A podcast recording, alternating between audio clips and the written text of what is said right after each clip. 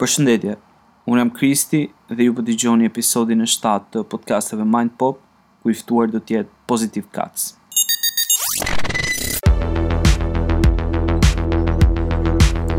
Përshëndetje miq të Mind Pop Podcasts. Jemi me episodin e shtatë, një episod që për mua është disi special sepse kam të ftuar uh, një person me të cilin ndaj vëndin e punës, Para se ta prezantoj, uh, ju kujtoj dhe një herë që gjithë episodet e Mind Pop Podcast mund t'i ndiqni në Spotify, kryesisht në Spotify dhe pastaj në SoundCloud, uh, Google Podcasts, Apple Podcasts e tjerë e tjerë e tjerë. Se tashi futuni gjejeni vetë se ku mund t'i dëgjoni.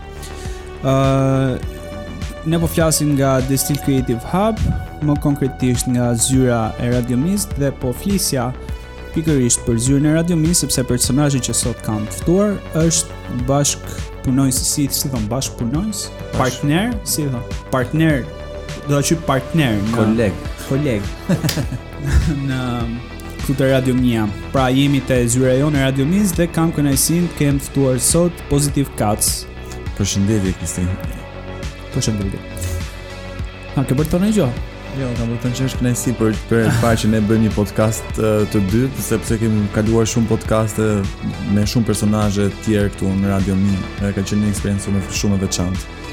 Po pra, është një çik e çuditshme që tani mbas uh, unë s'i kam numëruar, po jam bëgo gjatë programin që kemi bërë. 36 janë. Ndoshta edhe çik më shumë, po uh, konkretisht ai numri sa mbaj mend. Gjithsesi, ë uh, E ha ke 300 e ca. Ndoshta pak më shumë. Po, um, nëse un kam kënaqësinë sot kem Positive Cuts sepse ju të gjithë e njihni, sigurisht që e njihni. Dhe ju që s'e njihni do ta njihni shumë shpejt. Ë, uh, atëre, un do të thërras Genci, pastaj ti Po po Genci, Genci, si, si jemi sepse, që ka vënë mend. Bravo, sepse uh, në fakt ideja dhe Strategjia që kam ndjekur unë lidhje me këto podcaste është që artistin ta shfrytëzoj pak nga jeta personale, se jetën artistike ai di vetë ku e nxjerr dhe di vetë si e prezanton. Kështu që uh, pa humbur kohë, ma shpjego pak gjëja e parë që unë do do doja të merrja një informacion nga ty është ë uh, kush është si si u krijua, si lindi uh, alter ego jote Positive Cuts? Atëherë, është shumë interesante gjithë historia. Unë kam konsumuar shumë substanca psikodelike dhe një këto më kanë bërë që të ndryshoj edhe edhe qenien time qenien time shpirtërore. Edhe në çfarë sensi? Në sensin i të ndjerit më më më i pranuar dhe të ndjem më më të pranu të pranoja edhe më shumë nga gjithë nga gjithë pjesa tjetër e botës të ndiheshe një Një me të gjithë pjesën tjetër që të rrethonte. Domethënë ti ke, po thu që ke pas nevoj përdorësh... Uh, Psikodelike? Substanca që të bëhesh pjesë integrale e shoqërisë po themi të artistëve të skenës. E kjo më jo, jo shoqërisë, e gjithë gjithësisë e natyrës, objekteve. Ma kuptoj. Edhe kjo më ka lindur ë uh, këtë emrin ose alter egon pozitiv. që sa më shumë që uh, sugjestionoja veten pozitivisht, aq më shumë edhe mbillja, mbillja domethënë idera që rriteshin më vonë uh, dhe më ndihmonin në karrierën ose në rritjen e personazhit tim. Mm. Si person. Domethënë nuk ndikon fakti që ti je gjithmonë pozitiv, kështu si po, natyrë. Atëherë ka ka nis ndryshimi. Po mirë, tani përdor substanca? Jo, tash jo, mos më kanë. Vetëm nisje ka qenë, pastaj e kupton vetë se si mund ta sugjestionosh mendimet dhe të rrisësh të ujisësh mendimet e mira dhe të presësh ose të ndërpresh rritjen e mendimeve të këqija në mendjen tënde, sepse është si kopsht do ta ujisësh që mm. që të rrisësh diçka të mirë. Po, mirë, në lidhje me faktin që ti mbasi ke marrë një alter ego, se alter ego është një proces që zgjat një çikë se një po, po, po, është si, në... duhet të njofësh veten tënde reale uh, kur ti vendos të krijosh një alter ego ose ajo alter ego është brenda teje dhe ti vendos ta nxjerrësh ke nevojë dhe ta njofësh pak më shumë sa ka ndryshuar Pozitiv Kaci në lidhje me uh, imazhin artistik që ka te njerëzit nga fillimi deri sot? Në fillim Pozitiv Kaci gjatë kësaj uh, periudhës së uh, përdorimit të substancave psikodelike ka pas ka pas qenë shumë idealist. Pastaj uh, me shndërrimin e e pasionit në punë, ë uh, Pozitiv Kaci është bërë një pjesë, një pjesë e tij, është bërë si produkt dhe një pjesë e tij ka ngelur idealist. Po që unë mundohem që t'i ndër, ndër, ndërthur të dyja edhe pse, edhe pse janë shumë të ndryshme nga njëra-tjetra, produkti edhe idealizmi i këtij alter ego Po mirë, në për sa i përket marrëdhënies, domethënë se unë kam pa që ti ke shumë fansa, shumë ndjekës në, nëpër rrjete sociale. Dhe nga ana tjetër kam lançuar një mesazh te episodi i parë, nuk e di në qoftë se e ke dëgjuar, që kam thonë që uh, sot DJ-t jo, ti je një DJ. Po. Sot DJ-t dhe jo producentët kanë karakterin të ndiqen nga më shumë njerëz. Tani, ë, uh, duke qenë se ti ke gjithë ata ndjekës, si e mendon si fenomen këtë që fola unë? A është më e thjeshtë që ti të krijosh një fan base si DJ apo si producent? Shih çfarë ndodh tani sipas mendimit tim. Që në vitet 70 domethënë inteligjenca muzikore edhe zhanri, timbri, notat, çdo gjë ka rënë. Edhe është bërë si mjet konsumi shumë i shpejtë. Kanë rënë në sensin që kanë rënë, ka rënë niveli kompozicional Po ka rënë niveli kompozicional, ka rënë cilësia e e tekst e liriksave, e mhm. teksteve. Mm -hmm. Ka rënë niveli artistik është bërë si fast food, është bërë shumë shpejt, është bërë mjet konsumi. Prandaj edhe vetë DJ-at tash nga që janë shumë të ekspozuar edhe përdorin mjete nga më të ndryshme për të arritur këtë famën, janë më më shpejt të prekshëm se sa producentët, sepse producentët është shumë punë më e vështirë, por është shumë ka më shumë reward në fund fare. Po, uh, këtë rewardin pikërisht për këtë po flas, rewardi në music production ditët e sotme është bër është si me thënë, është zbehur pak për shkak se unë si artist po marr kot mhm, shembull. Mm -hmm. uh, unë jam një artist që kompozoj që shkruaj, unë si artist kaloj 10 etapa tipit në fillim duhet të futem brenda një personazhi të caktuar që të krijoj një koncept për një track që duhet të krijoj, pastaj ta konceptoj trackun, pastaj ta shkruaj në letër, pastaj ta shkruaj në kompjuter, pastaj t'i bie instrumentit ta regjistroj, pastaj ta miksoj, masterizoj bla bla bla 100 procese. Kurse një DJ ë uh, kam përshtypjen se faza e vetme që kalon para se të dali në skenë, para se të dali në performancën e vet, është selektimi i muzikës. Po. Kryesisht se po flasim për këta DJ të rinj. Po. Ky është me me këta kam problemin tim thelbësor. Dhe uh, DJ-të e rinj sot nuk mendoj se kanë një teknikë, domethënë, ok, ti je një DJ që je për qëndron prej vitesh brenda të dy skenave, lëviz andej këtej brenda undergroundit, skenës popular, je diku aty në mes, po themi. Po. Dhe ë uh, ti ke nisur DJ-llëkun sepse ishte diçka që ty të përshtati si karakter dhe më pas ti kur performon nuk është se thjesht zgjedh muzikën dhe po themi e mikson si mua që unë nuk di të miksoj, nuk di të bëj asnjë gjë. Por aftësitë e tua si DJ janë përtej kësaj, domethënë ti je më shumë disc jockeying, vinyl jockeying, po, po, po, po. se sa uh, Ma shpjego pak këtë procesin tënd tani, ë uh, ose më saktë më thuj, për një DJ, a është esenciale që t'i futet studimit performancës përveç sa të selektojë muzikë dhe të miksojë me traktor ku dëgjon mm -hmm. left right auto mix apo duhet ta konceptojë DJ-llëkun si një formë arti ndërmjet të cilës ai të bëjë të hedhi nja dy shkallë po themi futet brenda botës këtyre DJ-ve profesionistë që janë sot nëpër botë dhe që sigurisht nuk është se selektojnë vetëm muzikë, po dhe performojnë. Tashi për DJ-të e rinj, DJ-të e rinj kanë një problem shumë të madh, që është që lozin luajnë çfarëdo lloj muzike, vetëm të luajnë dhe pa patur parasysh ndërtimin një karakteri artistik. Pa kaluar te produksioni, se produksioni është një një dy tre shkallë më lart, Por që kjo ato i pengon që të bëhen dikush në radhë parë që të jesh një artist, domethënë siç është DJ që është një artist vetëm performues, mm -hmm. duhet të ndërtosh një karakter, po ti po të vësh re gjithë DJ-at që janë uh, DJ-at shumë të famshëm, ata luajnë njihen vetëm për një lloj muzike. Edhe kjo të bën ty që të ecësh të paktën të jesh i drejtuar në një rrugë dhe të shkosh deri në fund dhe të arrish të paktën të arrish majën një mm. herë gjatë karrierës. Mm. Në qoftë se një DJ, sidomos DJ-at e rinj ose kush do të bëhet DJ ose një DJ që ka humbur rrugën e tij gjatë karrierës, duhet drejtohet ndërtojë një karakterin e tij audio, domethënë, audiofonik, mm. që ai të njifet për personalitetin e tij për atë muzikën, qoftë se flasin për emrin e DJ, qoftë se flasin për positive cuts, atëherë do, do, do kujtohet që kjo do dëgjojmë hip-hop edhe dancehall edhe reggae, mm. Jamaican. Kjo është gjithë ide ideologjia, çdo DJ duhet të njihet për stilin e tij, pastaj pjesa pjesa e performancës, pjesa un i shikoj jam interesuar të marr çik vesh dhe më shumë për pjesën teknike. Çfarë duhet bëjë një DJ teknikisht? Se unë e di që ti luan me ato vinilet e tua, bën scratching, se unë s'i di këto. Uh, scratching edhe teknikat e avancuara të miksimit janë qershia mbi tortë të një seleksioni shumë të mirë. E pra, për këtë po flas. Këto janë unë mendoj që çdo uh, çdo njeri mund t'i arrijë teknikat e avancuara të miksimit.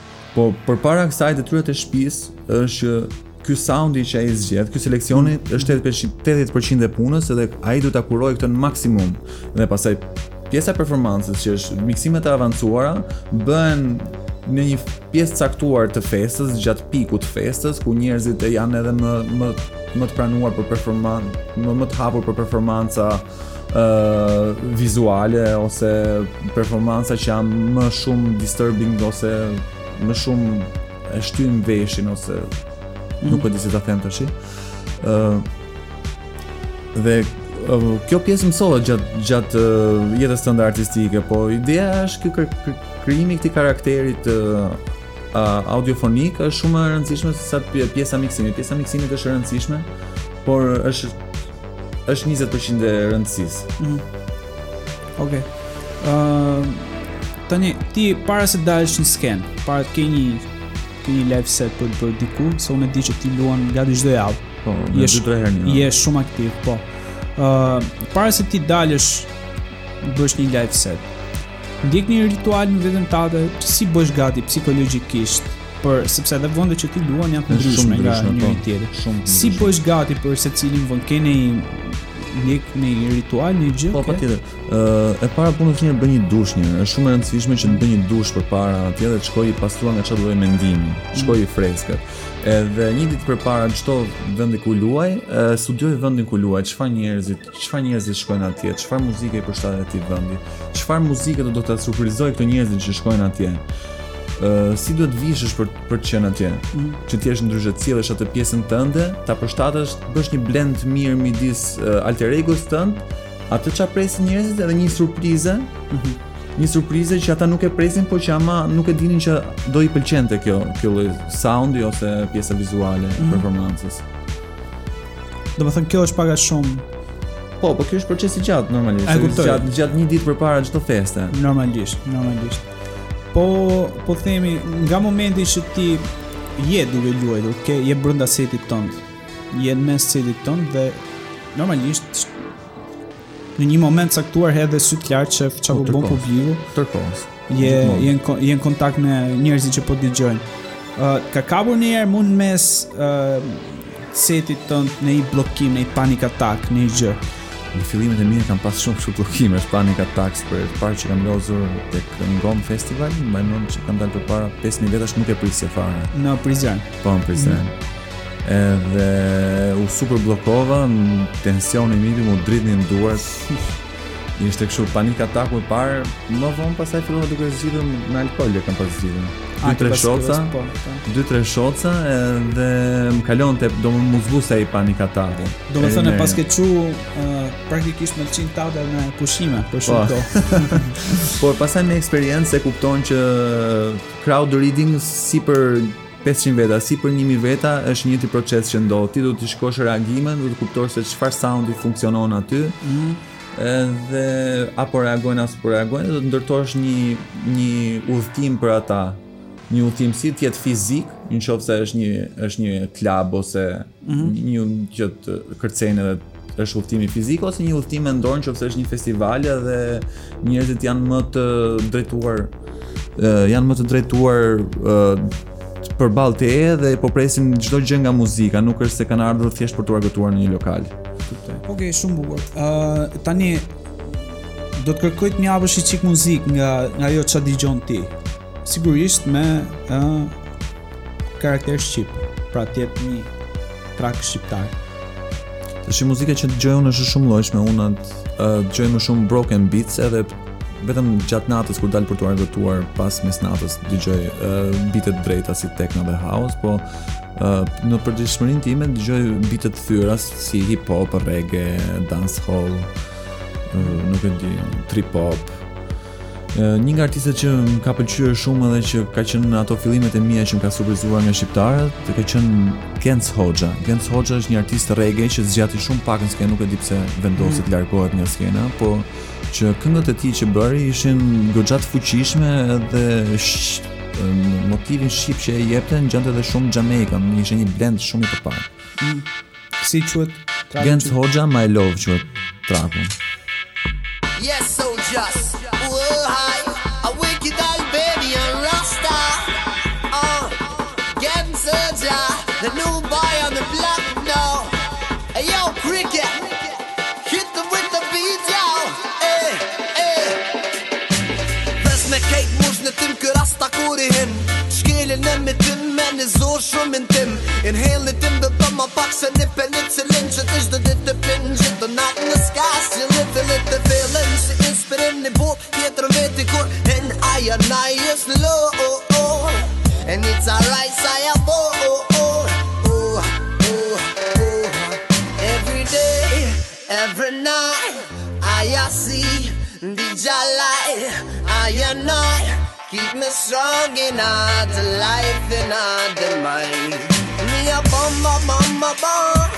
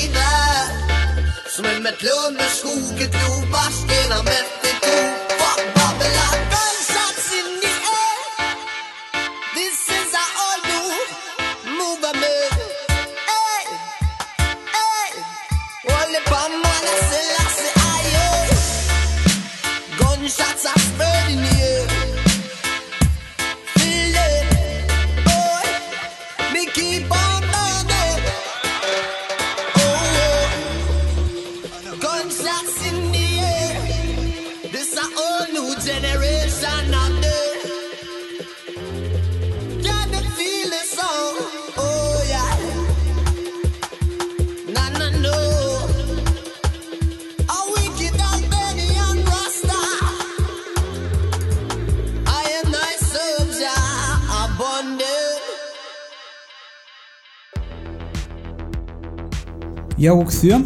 Uh, jam akoma me Gencin këtu. Genco po rrit flokët i ça ça po bësh. Po pra, po, po, yeah. po mundohem që të ndryshoj pak më që kam kam vënë syzet edhe tashi duhet që të ndryshoj pak se shumë serioz me syze e flokë të kthyera. Ja pra, këto syzet nuk e di, shumë të çuditshme. Ëm, um, okay, flasim pak, dua të flas pak për rininë tënde. Si ndodhi që kush ishte impakti i parë uh, që ty të bëri të kuptoje që Unë jam i dashuruar mbas muzikës, ndoshta më nuk e di, nis me reggae, me rock. Me rock. Atëherë, unë jam i dashuruar mbas muzikës dhe si ka mundësi që nuk iu fute instrumenteve, por pastaj u bëre DJ. Uh, Ça ndodhi? Po, historia është normalisht kam dashur t'i futem instrumenteve, në fillim fare kur u bëra uh, stereotipe dhe dëgjoja shumë muzikë gjatë ditës time, një pjesë të madhe e mbushte të dëgjuarit muzikë 3 orë pa pushim. Mhm. Ëh, çdo ditë kisha një orar tim që dëgjoja dhe eksploroja vetëm muzikë. Edhe kjo ishte muzika rock dhe metal, atëherë nisa dhe një band ku nuk iu futa instrumentit sepse qellova të bëja vokalistin. Por kjo nuk nuk rezultoi tamam sepse kisha probleme me notat e larta dhe kisha edhe probleme me tempon si fillim. Edhe prandaj nuk u nuk u mora kurrë me instrument, se tentova gjithmonë që të bëja vokalin, edhe pse nuk e arrita dot. Po mirë, domethënë ti paske bërë ndoshta për pak kohë, po paske bërë edhe ti pjesë brenda botës bendeve. Patjetër, për mua instrumentistat dhe artistët e bendeve janë Domethënë pjesa artistët krijues ose dhe krijues dhe që i bien instrumentave janë një shkallë më lart se pjesa tjetër që janë playback, domethënë DJ-at, nuk e di.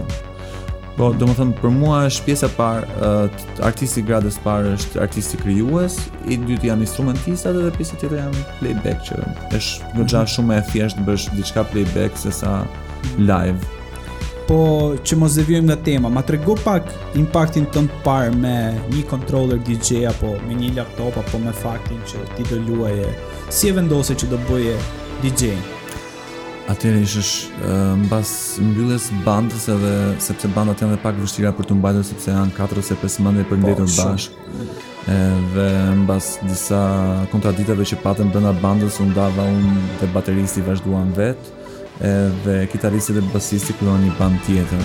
Mhm. Rezultoi që unë nuk kisha dhe aq shumë talent për vokal, kështu që banda jonë dështoi edhe më shpejt se sa ajo e para. kështu që dashuria ime për muzikën edhe më vonë mbas nisjes së psikedelikave për muzikën elektronike më devijoi tek tek DJ-t edhe mhm. desha ta vazhdoja këtë të prodhoja muzikë Mendoja unë atëherë, edhe pse kjo nuk u realizua dot kurrë.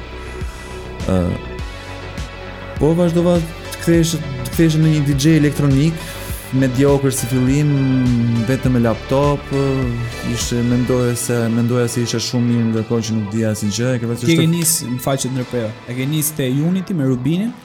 Çik më përpara te Alkimia. Ah, te Alkimia, po. Çik më përpara, mm. mbasi mm. fillonin live-et tek Alkimia, mbas ca kohësh filluan duke bërë ca party psy, ato në qoftë se mban. Mm, mm, po, po, po kam qenë frekuentues i rregullt te Alkimia, po.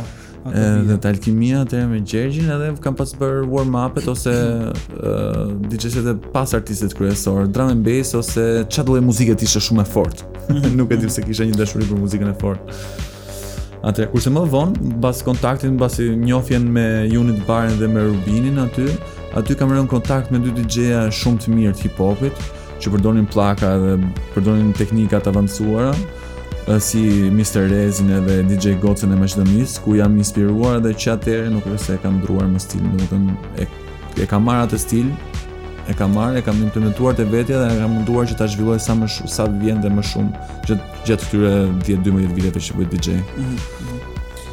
uh, më fol pak për marrëdhënien që ke ti me DJ-të e tjerë në sensin që në qoftë se do të jepej mundësia përpos të të ardhurave që normalisht janë sigurisht më të larta në skenën pop se sa underground. Në qoftë se do të jepej mundësia, ku do ndiheshe më rehat, me cilët artistë ti ke më shumë afinitet për sa i përket konceptit të të bërit muzikë apo të luajturit muzikë. Me pjesën underground, po themi me artistët që janë alternativë. Janë më alternativë. Që po. janë më alternativë që kanë gjithmonë një gjë për të thënë nuk janë bosh, apo ndihesh më rehat në një fest ku dëgjon të se s'do të përmend emra lokalesh, në një fest komerciale popullore. Një fest komerciale popullore ku ti bëhesh bashkë me DJ të tjerë dhe Dua të di pak më shumë, niveli i diskutimit kur ti bie në kontakt me të dy palët, ku ka më shumë vlerë për ty?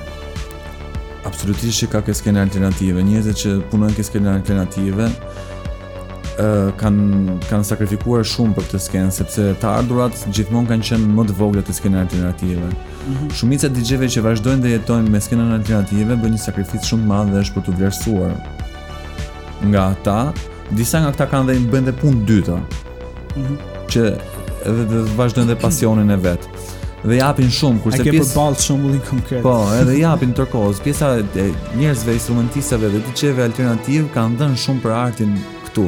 Sidomos për mosmbytjen nga nga pjesa popullore që është shumë më e varfër artistikisht se sa pjesa alternative. Mm -hmm. Pastaj me pjesën komerciale është marrëdhënie thjesht biznesi, shumë e thjeshtë, shumë straightforward, nuk është se kam komunikime shumë të mëdha me ato që kemi çat. Vetëm domethënë një raport shumë shumë pune, thjesht kaq. Mm -hmm. Nuk është se ndihem tek ato s'jam ndier ndonjëherë tek ato. Thjesht marrëdhënie pune dhe kaq. Kurse te pjesa alternative gjithmonë kam gjetur veten edhe vet mbas DJ seteve të mia që janë më pop, domethënë ku kam një DJ set më pop, kaloj tek skena alternative dhe kaloj kohën time të lirë aty gjithmonë. Jo, në sensin që ti në qoftë se shkon në një vend që luan e di paraprakisht që aty luhet muzikë pop. ë uh, ndodh që i mikson kulturat Fillon luan çik muzikë më alternative dhe në këto vende. Pra, e ke atë tendencën që t'i kulturosh në thonjëza dhe këtë lloj njerëzish? Po, gjithmonë fillimin gjithmonë mundohem që të vë gjithmonë fillimin se pjesa më më pas pastaj njerëzit që nuk e nuk e e pranojnë dot ose janë mësuar me konsumin e zakonshëm, uh, fillojnë të protestojnë për këtë gjë, por zakonisht warm-upet e mia janë shumë alternative. Mundohem mm. që të paktën warm-upet të bëj një udhëtim mendor sesa një udhëtim fizik për për për çdo lloj crowdi që është e mundshëm. Mm. Pastaj nëse kjo ky eksperiment vazhdon mirë, atëherë edhe vet njerëzit që që kanë bërë book për muzikën pop, atëherë këto janë shumë të kënaqur nga kjo gjë. Edhe pse ndodh rrall, por që është eksperiment që ia vlen ta bësh gjithmonë. Ëm um, fol pak për do të thoja se është është çik delikate si temë. Po do të të pyesja pak që, për eksperiencat që ti ke pasur jashtë kufijve të Shqipërisë dhe kryesisht do të flisje për Kosovën. ë uh, si ka qenë, si si është pritur, jo në sensin si është pritur nga njerëzit. Si është pritur koncepti i Positive Cutz-it në marrëdhënie me ça ke dhënë ti atyre muzikalisht nga skena e artistëve në fillim dhe pastaj nga njerëzit. Tash unë për më shumë që kam uh, luajtur ka qenë Kosova dhe Maqedonia dhe kam qenë vetëm në evente alternative ku kam mhm. luajtur atje.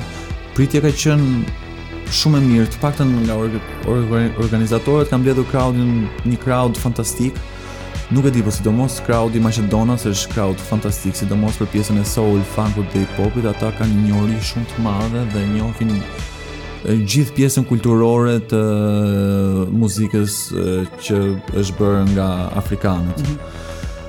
Edhe jam ndjerë shumë i habitur dhe shumë i vlerësuar dhe shumë shumë i lumtur, domethënë dhe mezi pres gjithmonë që të bukohem nga nga organizatorë që bëjnë festivale të muzikës afrikane.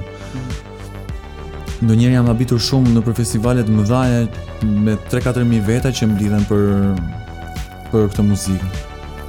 Nuk e di. Nëse është atje është çik ndikojnë shumë gjëra dhe mbi të gjitha fakti që uh, kanë pas Serbinë edhe këto vendet sllave që i kanë dhënë mundësinë të lëvizin pak më përpara. Se Maqedonia ka pas një skenë shumë të fuqishme Maqed underground. Maqedonia gjithë edhe sot po edhe po ta krahasosh me skenën tonë është shumë e shumë, fuqishme. Shumë, shumë Nuk e di, po edhe vet baret ose skena, skenat ku lozin artistët janë shumë shumë ndryshme. E pra, është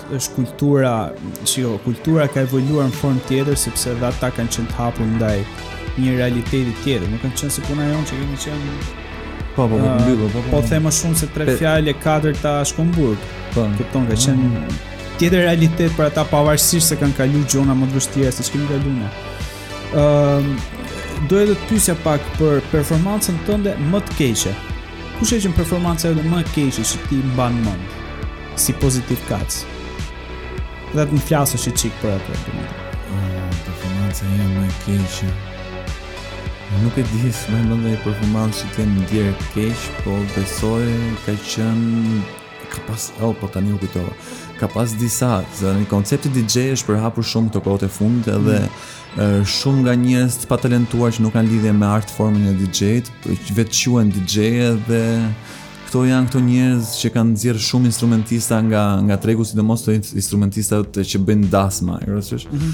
Edhe kur kur ti thua që jam DJ, ta mendojnë që ti je DJ si gjithë DJ-t e dasmave dhe kam qëlluar në një që mund ta kujtoj në një ishte një drejtor shumë i madh një kompanie shumë të madhe që ndërtonte hidrocentrale. Mm -hmm. Edhe unë i mora si njerëz të kulturuar që donin një muzikë të mirë, një pak funk, pak disco, pak soul, edhe ishte një darkë pune. Mm -hmm.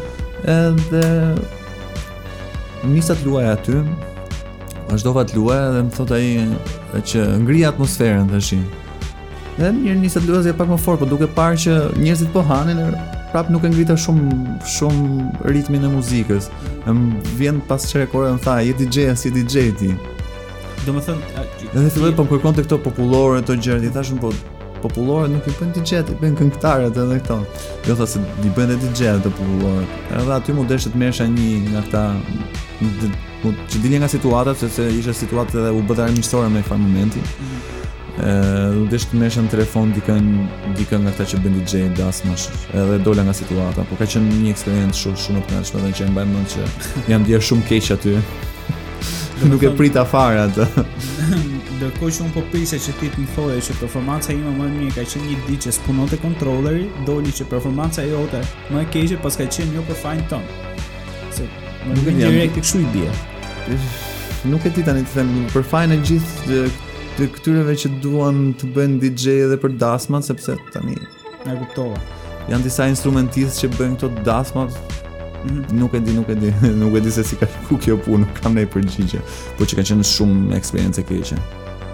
Qaj. Edhe që tani i pyes gjithmonë njerëzit uh, që më bëjnë book që çfarë muzike kërkon të bësh, cili është koncepti i kësaj mbrëmje ose tani i di paraprakisht paraprakisht çdo gjë që të jem edhe gati vetë edhe kështu edhe a e marr përsipër punën apo jo se në fund të fundit pak në te skena pop është një produkt dhe ti e jep shabllon sepse shumica e skenës pop është zakonisht njësoj është produkti i njëjtë mm -hmm. janë po të njëjtat uh, këngë thjesht remixe të ndryshme nuk është se kanë një një gjë të madhe çdokush mund ta bëjë sidomos me teknologjinë e fundit të DJ-ve.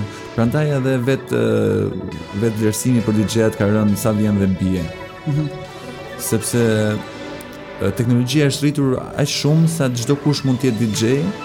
Edhe dhe pjesa dhe kërkesa më shumë për DJ-at është kërkesa për muzikën pop. Mm -hmm.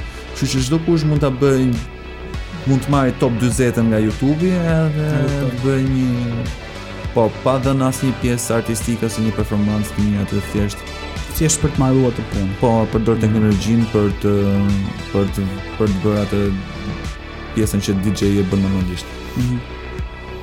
Okej, okay, uh, Gens, unë dua një këngë tjetër tashi nga ty. Meqë jemi këtu po regjistrojmë tek Radio Mia edhe një nga këngët që më ka bërë shumë përshtypje që kam dëgjuar për herë të parë te Radio Mia te një grupi që unë e kisha dëgjuar vetëm si emër. Mm. Uh, që shqip është 356 uh, e mëngjesit. Aha. Atëherë Disco Boxit, është kënga e tyre është unë jam surprizuar kur kam dëgjuar për herë të parë. Kam marrë gjithë albumin faktikisht dhe e vë gjithmonë transmetim në radio. Faleminderit për konsideratën.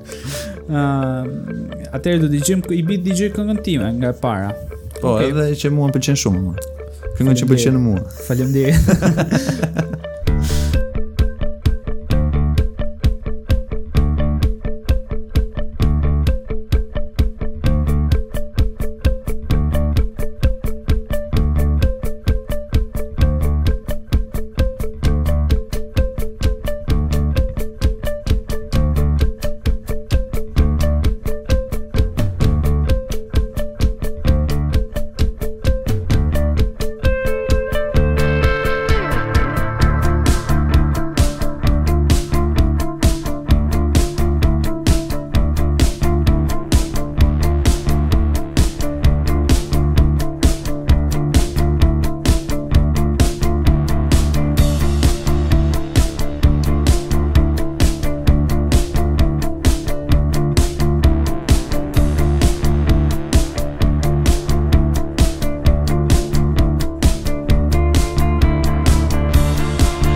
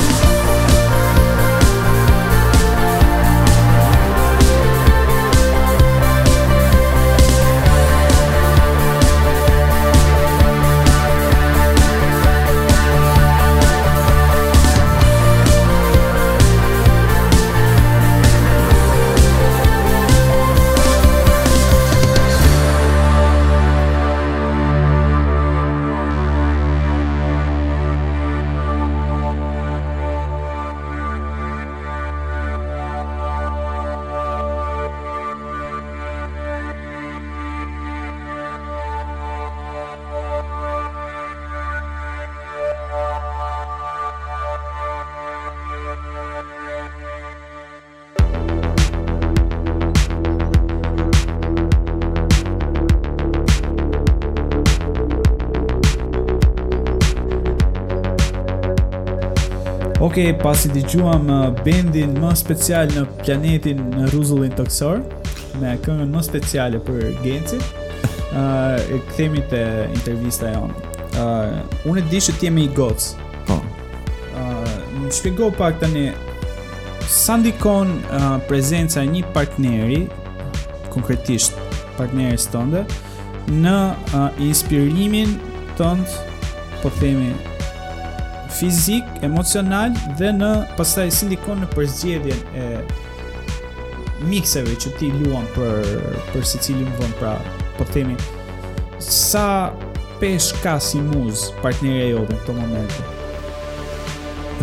Kjo është partnerja ime e parë që më ka dhënë stabilitet në radhë të parë, edhe kjo më ka shtyrë që të punoj më qetë dhe më të jem më i qartë për punën që unë bëj, edhe ta shtyj projektin tim si Positive Cats, ta shtyj më lart dhe më lart, edhe si nga ana monetare dhe, dhe nga ana artistike në çdo fushë që unë uh, pretendoj domethënë që të marr pjesë.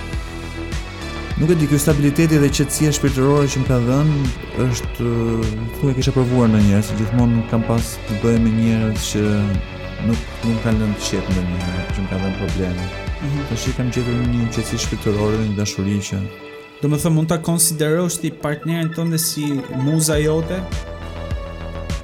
Mund ta konsideroj si një pjesë speciale dhe një pjesë ku mbështetem gjatë hapave të kësaj periudhe të jetës time. Domethënë, jo vetëm muzikë? Jo vetëm muzikë, po. Oke, okay. qartë. Um, për, për sa i përket uh, pjesës jashtë muzikës, pjesës, domethënë, Jashtë Positive Cats-it. Genci. Më fol pak për Gencin, si është si karakter, si çfarë përfaqëson Genci uh, brenda teje që Positive Cats-i e plotëson ose e e shtyn, nuk e do. Dhe pra, uh, balanca që ke midis Gencit dhe alter, e, alter egos Positive Cats. Po në fillim dua të di diçka për Gencin. Atëherë, Genci si person është një person që nuk s'para flet shumë, kur flet zakonisht bën shaka edhe ka qejf që të ngrej humorin gjatë dhomës. Më përpara kam pas bërë shumë më tepër se ç'duhet, por tani gjej vetëm atë kohën e duhur ose vendin e duhur ku mund ta them. Jam shumë njeri më shumë i të, të bërit se sa të fjalëve. I futem punës direkt, jam pro bashkëpunimit gjithmonë. Uh, mundohem të ndihmoj si shenjë Virgjëresha, që që mundohem me jem helper si, si shenjë, mundohem të ndihmoj me, me sa kam, më përpara kam pas bërë edhe duke duke dhënë më shumë se sa ç'mundja duke ngrënë më shumë nga koha ime, por tani kam gjetur një balancë të mirë të ndim të të, të ndihmuar të tjerëve edhe duke uh, pa humbur veten ose kohën për veten time. Mm -hmm.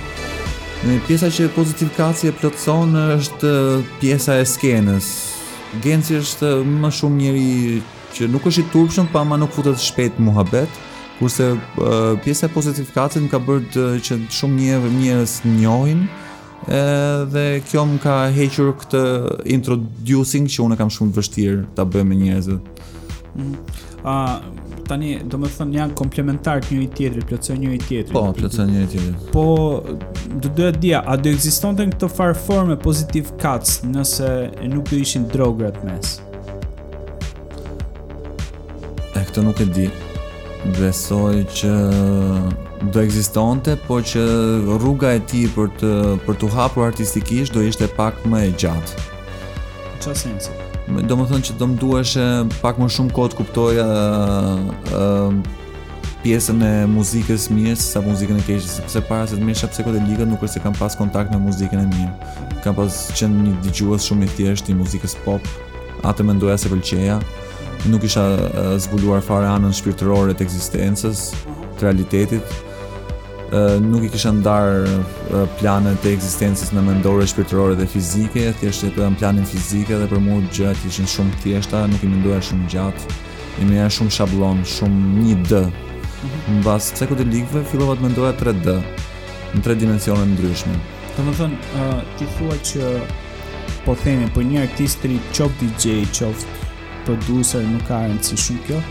Ëh, uh, duhet të ketë gjithmonë një fazë ku ëh uh, artisti duhet të eksplorojë mendjen dhe në qoftë se nuk arrin dot ta bëjë në gjendjen e tij natyrale të kondicionohet nga droga? Unë nuk mendoj që do të kondicionohet nga droga, as nuk jam shtysë që njerëzit të provojnë substanca psikodelike, unë mendoj që njerëzit thjesht duhet, duhet të eksperimentojnë me veten dhe ta ta sfidojnë veten sepse po ndejtën në comfort zone asnjëherë nuk do zhvillohen. Zhvillimi i vetes në të tre planet, si në plan shpirtëror, si në planin mendor dhe si në planin fizik, është një investim afatgjatë i të mirëqenies dhe i vetëkënaqësisë. Kështu që çdo artist i ri duhet të zhvillohet edhe të punojë për veten e tij, Po këtë zhvillim dhe këtë punë do ta bëjë me zgjuarsi, duke menduar përpara dhe duke parë, duke vënë disa piketa si në planin afatshkurtër, planin afatmesëm dhe planin afatgjatë. Mm -hmm. Dhe pastaj arritja e këtyre piketave ë zgjeron dhe diapazonin e e horizontit tënd. Mm -hmm. Po ë ti vetë si po themi si pozitiv kac tash Çfarë mesazhi mund t'u japësh artistëve që DJ-ve se ti nuk je një producer. Po, nuk jam producer. Ëh, DJ-ve që ëh në një farë mënyre duan të gjejnë stilin e tyre. Pra, vendin e tyre brenda industrisë muzikës, kur normalisht kur bën një përzierje të caktuar, po përpiqesh që ti të krijosh një karakter si si ti e the vetë që sot DJ-t kanë pak tendencë që mos t'i luajnë të gjitha, mos kenë një karakter personal. Atëherë, po. atëherë si duhet ta bëj unë që jam DJ i ri për të krijuar një karakter? Është shumë e thjeshtë, para pune do të shikosh vetëm brenda vetes. Kush çfarë çfarë soundit i i pëlqen ose ndjehesh që të përket, atë duhet të reprezentosh. Dhe pastaj skena të, të rrit dhe të mëson vetë. Kur ti shkon dhe reprezenton soundin tënd, atëherë dis, disa nga pje, dis, një pjesë e crowdit që e pëlqen soundin tënd, ata do bashkohen me ty. Edhe tek një pjesë e këtij këti crowdit do gjesh disa shokë të tjerë ku do ekspandohesh. Edhe duke duke duke punuar me njerëz që kanë të njëjtat shije dhe duke u zhvilluar me këto njerëz që kanë të njëjtat shije, mm. arrin që të ekspandohesh tek soundi jot. Mm. Por disa kompromise mund të bëhen në nivel teknik ose dhe dhe pak audio, por pa e humbur esencën. Esenca është duhet të rrijë ajo që ka qenë në fillim. Mm. Nëse ti ruan esencën e fillimit dhe pas 5 ose pas 10 vjetësh ti vazhdon luan atë rrymë që ti e ke nisur, atëherë ia ke arritur qëllimin që ti të jesh të të jesh autentik ose të kesh një stil që do mbas 5 vjetësh do të jesh konsoliduar edhe do njihet publikisht për atë që ka qenë gjithmonë dhe që do vazhdojë të jetë apo.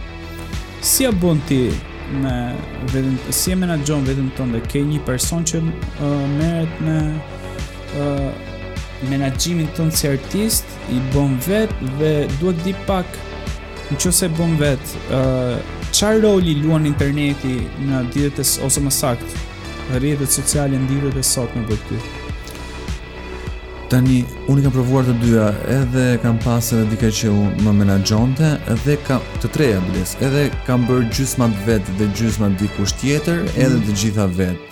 Tani mendoj që kjo është shumë çështje delikate, që t'i besosh uh, pjesën monetare të të konceptit tënd artistik dikujt duhet ta zgjedhësh shumë me kujdes këtë. Mm -hmm. E para punës është të ketë shijet e njëjta, të kuptojë, jo të ketë shijet e njëjta, po të kuptojë esencën e kush artisti je ti.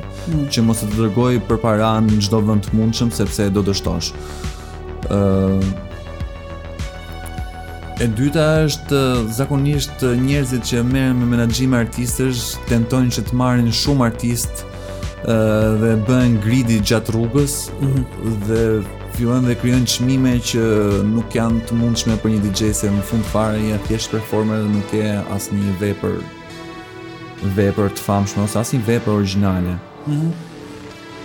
Edhe këto arrijnë të bëjnë mbivlerësimin, kurse kur menaxhon vet, paktën tani kohët e fundit kam kaluar që e menaxhoj vet, ëh, uh, thjesht shikoj që të shes atë esencën, sa sa sa duhet, në vendet ku duhet, edhe duke qenë humble, humble me njerëzit, edhe mendoj që Nuk është se kanë ndër, nuk është se ka shumë rëndësi pjesa pjesa e internetit ose nga rrjetet sociale. Pjesa më shumë që ka rëndësi është cilësia dhe sa ti të kënaqur e le crowdin edhe klientin tënd. Klienti është normalisht bari ose menaxheri që organizon festivalin. Ëh, mm -hmm. kurse edhe crowdi po prapë është klienti jot. Të dyja palët janë klienti jot. Nëse ti arrin të lesh të kënaqur klientin tënd, atëherë Pretendoj që fjalët e mira do kalojnë midis veshëve të duhur dhe bookingu do fillojë dhe do rritet çdo javë. E ke menduar ndonjëherë që ta lesh fare faktin që ti po merresh me përzgjedhje muzikore, po luan si DJ, dhe të thuash që për X vite ose për X muaj ose për X javë, unë do merrem vetëm me produksion. Gjatë kohëve të pandemisë kam menduar shumë gjëra, edhe një nga këto ka qenë të merrem me produksion. Produksioni është diçka shumë e bukur, por që do edhe shumë impenjim. Tani unë e kam provuar këtë gjënë edhe kam arritur deri në njëfarë pike, por që e shoh veten si artist performer, si artist performer, edhe produksioni mund të jetë një pjesë shtesë e e performancës time. Nuk është se dua që të vë përpara produksionin sepse jam ndje më shumë DJ i mirë se sa producent i mirë. Po mirë, ti ke pas eksperienca me pro, me prodhim më përpara jo, se besoj. Jo, e kam nisur vetëm gjatë vitit pandemisë, domethënë një vit përpara. Atëherë un Të kam kërkuar edhe ty këshilla shumë shpesh. Jo, unë jo, unë unë vet nga ana ime do të sugjeroja që ë uh, mos ta shifje këtë punën e bëri DJ si ë uh, si diçka tënden, po mos domethënë mos ndaloj aty se qënke pozitiv kaq sepse uh, alter ego jote në fazë prodhimi mund të çojë disa drive të reja që uh, ti nuk e di as vetë që mund t'i provosh. Kështu që Këshilla, këshilla, nuk është këshill. Sugjerimi që un kam qejf të ta jap është që t'i përkushtohesh për ca kohë prodhimi. Nuk po them që ta lësh se ti ke e ke xha shumë zënë ë uh, jetën tënde si DJ, po produksioni të jep ë uh, ka do ta shohësh që ka për të të ndihmuar dhe në fazën e DJ-ingut, në sensin që Kur ti prodhon diçka, fillon krijon diçka nga padyshim që do influencohesh nga një vend, do marrësh një influencë ke një, një artist preferuar, por prodhimi, fakti që ti po prodhon një gjë të tënden, automatikisht arrit vlerën dhe si DJ. Patjetër, unë këtë mendova kur e nisa gjatë kohës pandemisë, edhe e kisha një projekt që të qartë se çfarë do bëja, Mhm. Por tani që u, u hap dhe filloi dhe sezoni veror do jetë uh, pjesa e DJ do jetë pak e ngarkuar dhe Këtë gjë kam. S'do të ngelet kohë. Po s'do ngelet kohë dhe tani këtë gjë e kam shtyrë për shtator. Gjatë shtatorit ose paktën tetorit kur do fillojë të bëhet pak më ftohtë, që do kaloj më shumë kohë brenda, do të do të dedikohem më shumë që të paktën të bëj një album që të nxjerr muaj për muaj të paktën 10 këngë. Mhm. Mm që mendoj që të nxjerr edhe me klip që do të jetë një një një rrym underground me pak me një vokal po prap underground por që do të shoqëroj me video që mund të që me këtë me këtë rast do do dua të që të transmetoj edhe nëpër televizion që të shpresoj që mund të vihet re. Aty doja të dilja, uh, domethënë ti mendon se televizioni është shkalla e parë e shikueshmëri e e konversionit produktit tënd tek njerëzit, pra Televizioni është baza ku njerëzit sot mbështeten për të marrë informacionin muzikor që ti do ta zhvendosësh produktin tënd në televizion.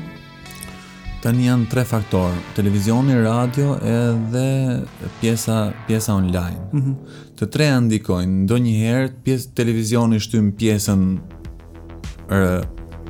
e online-it, pjesën e YouTube-it, mhm. ndonjëherë YouTube-i shtyn pjesën e televizionit, domethënë ka tra, ka këngë që bëhen të famshme në fillim në televizion dhe pastaj kalojnë në, nëpër radio edhe nëpër në YouTube edhe nëpër pjesën mm -hmm. online dhe ka shumë track-e tjera që bëhen të famshme nga pjesa online mm -hmm dhe pastaj kalojnë në televizion dhe radio. Mm -hmm. Unë mendoj që të kesh që të kesh përqindshmëri përqindjen më të lartë të suksesit të mundshëm, të arritshëm, atëherë duhet të jesh koherent në të treja në të treja këto plane, si në televizion, si në radio, duhet të jesh prezent kudo, thuhet. Po. Prezenca është shumë e rëndësishme. Mm. Sepse ka një ka një një crowd aq shumë të përzier sa sa nuk mund t'i kapësh gjithë vetëm në një në një platformë. Mm -hmm.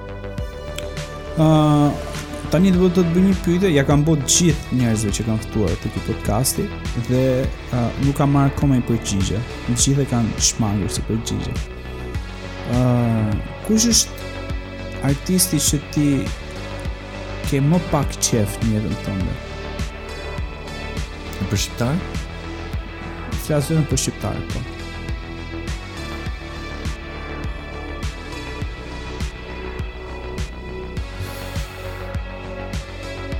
Se në sensin që çdo person që kam pyetur ka thënë që unë e kam një, por nuk e them sepse ë uh, ai personi do ta shfrytëzojë për të mbo ku dëgjon. Jo, unë e them unë e kam thënë edhe në surrat është uh, një DJ Bujaka, është fake DJ. Mhm. Uh -huh. Që Thjesht kërkon të futet sa andej këtej në rëgjim.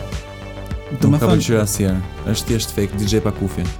A, është, është një DJ, atëherë për ty. Po. Okej. Okay. Ja, e morëm uh, më në fund, mbas 7 episodesh, morëm përgjigjen për një artist që ne nuk na pëlqen. Dhe ishte një DJ. Okay. Artist fjalë e madhe për Po, okay, një personazh që po. një performer që Ekziston në skenën shqiptare. Shumë bukur. Atëherë ë uh, unë të falenderoj shumë që ishe pjesë e këtij podcasti. Mora vesh shumë gjëra që s'i dija për ty. Ë uh, u kënaqa duke folur. Ë uh, sigurisht sa të mbarojë ky podcasti ne do flasim prapë se këtu jemi ndaj fare. po ë uh, para se ta mbyllim doja që të lëshojë një mesazh për për sa i përket uh, ta bëra pak a shumë pyetjen për artistët e rinj, po doja të lëshoje një mesazh çfarë uh, mendon ti uh, se duhet të ndryshojë sot nga bota online e muzikës, sepse e kam thënë dhe më përpara në episode të tjera, unë kam një problem shumë të madh që në botën online bëhen gjithmonë të famshëm njerëz që uh, njerëzit e gabuar. Dhe uh, ka ndërkohë nga ana tjetër shoh shumë artistë që janë shumë talentuar që uh, përfundojnë postimi me 5 views, me 6 views për çdo postim që bëjnë, ndërkohë që postimi ka një vlerë shumë më të madhe se sa ai që fola pak më përpara. ë uh, Më jep ti një mesazh tëndin, ça të doje ti t'i thoje njerëzve që sot bëjnë art vërtet dhe kanë akoma 5 views. Unë do t'i thoja këtyreve ka shumë raste në botë të njerëzve që nuk kanë nuk janë dorëzuar kurrë dhe i them mos dorëzoni kurrë mund të gjeni një punë tjetër sa për të mbajtur veten po mos e lini artin tuaj se një ditë çdo punë shpërblehet domethënë qoftë se sot mbillni art Nesër pasnesër ky arti do rritet edhe ju do korni, do korni frutet e tij. Ka mm. shumë trakë se për shembull nga shumë njerëz që janë bërë të famshëm mbas disa vitesh mm -hmm. edhe në këto njerëzit kanë rezultuar shumë të suksesshëm. Falenderoj shumë Genco, ishte shumë kënaqësi e madhe No, perfekt, perfekt, edhe më pëlqeu shumë Edhe, uh, kënga e fundit? Kënga e fundit Tani kënga e fundit është një nga një artist i ri që edhe unë e kam dhe për zemër, është goxha artist i ri dhe që ka punuar fort. Ky është një një nga ato shembujt që them unë që punoni fort sepse në fund fare do ju shpërblehet. Kënga është nga Equinox, që ah, quhet po. E kam pas po në podcastin për po, parë. Po, po, po. Equinox ka pas ka punuar fort për shumë vite tash. Po, po, shumë, shumë tash, tash ka dalë është i njohur. Aha, aha. Shumë interesant është. Kënga është Ti si lulet nga Equinox. Okej, okay, mirupafshim. Ciao.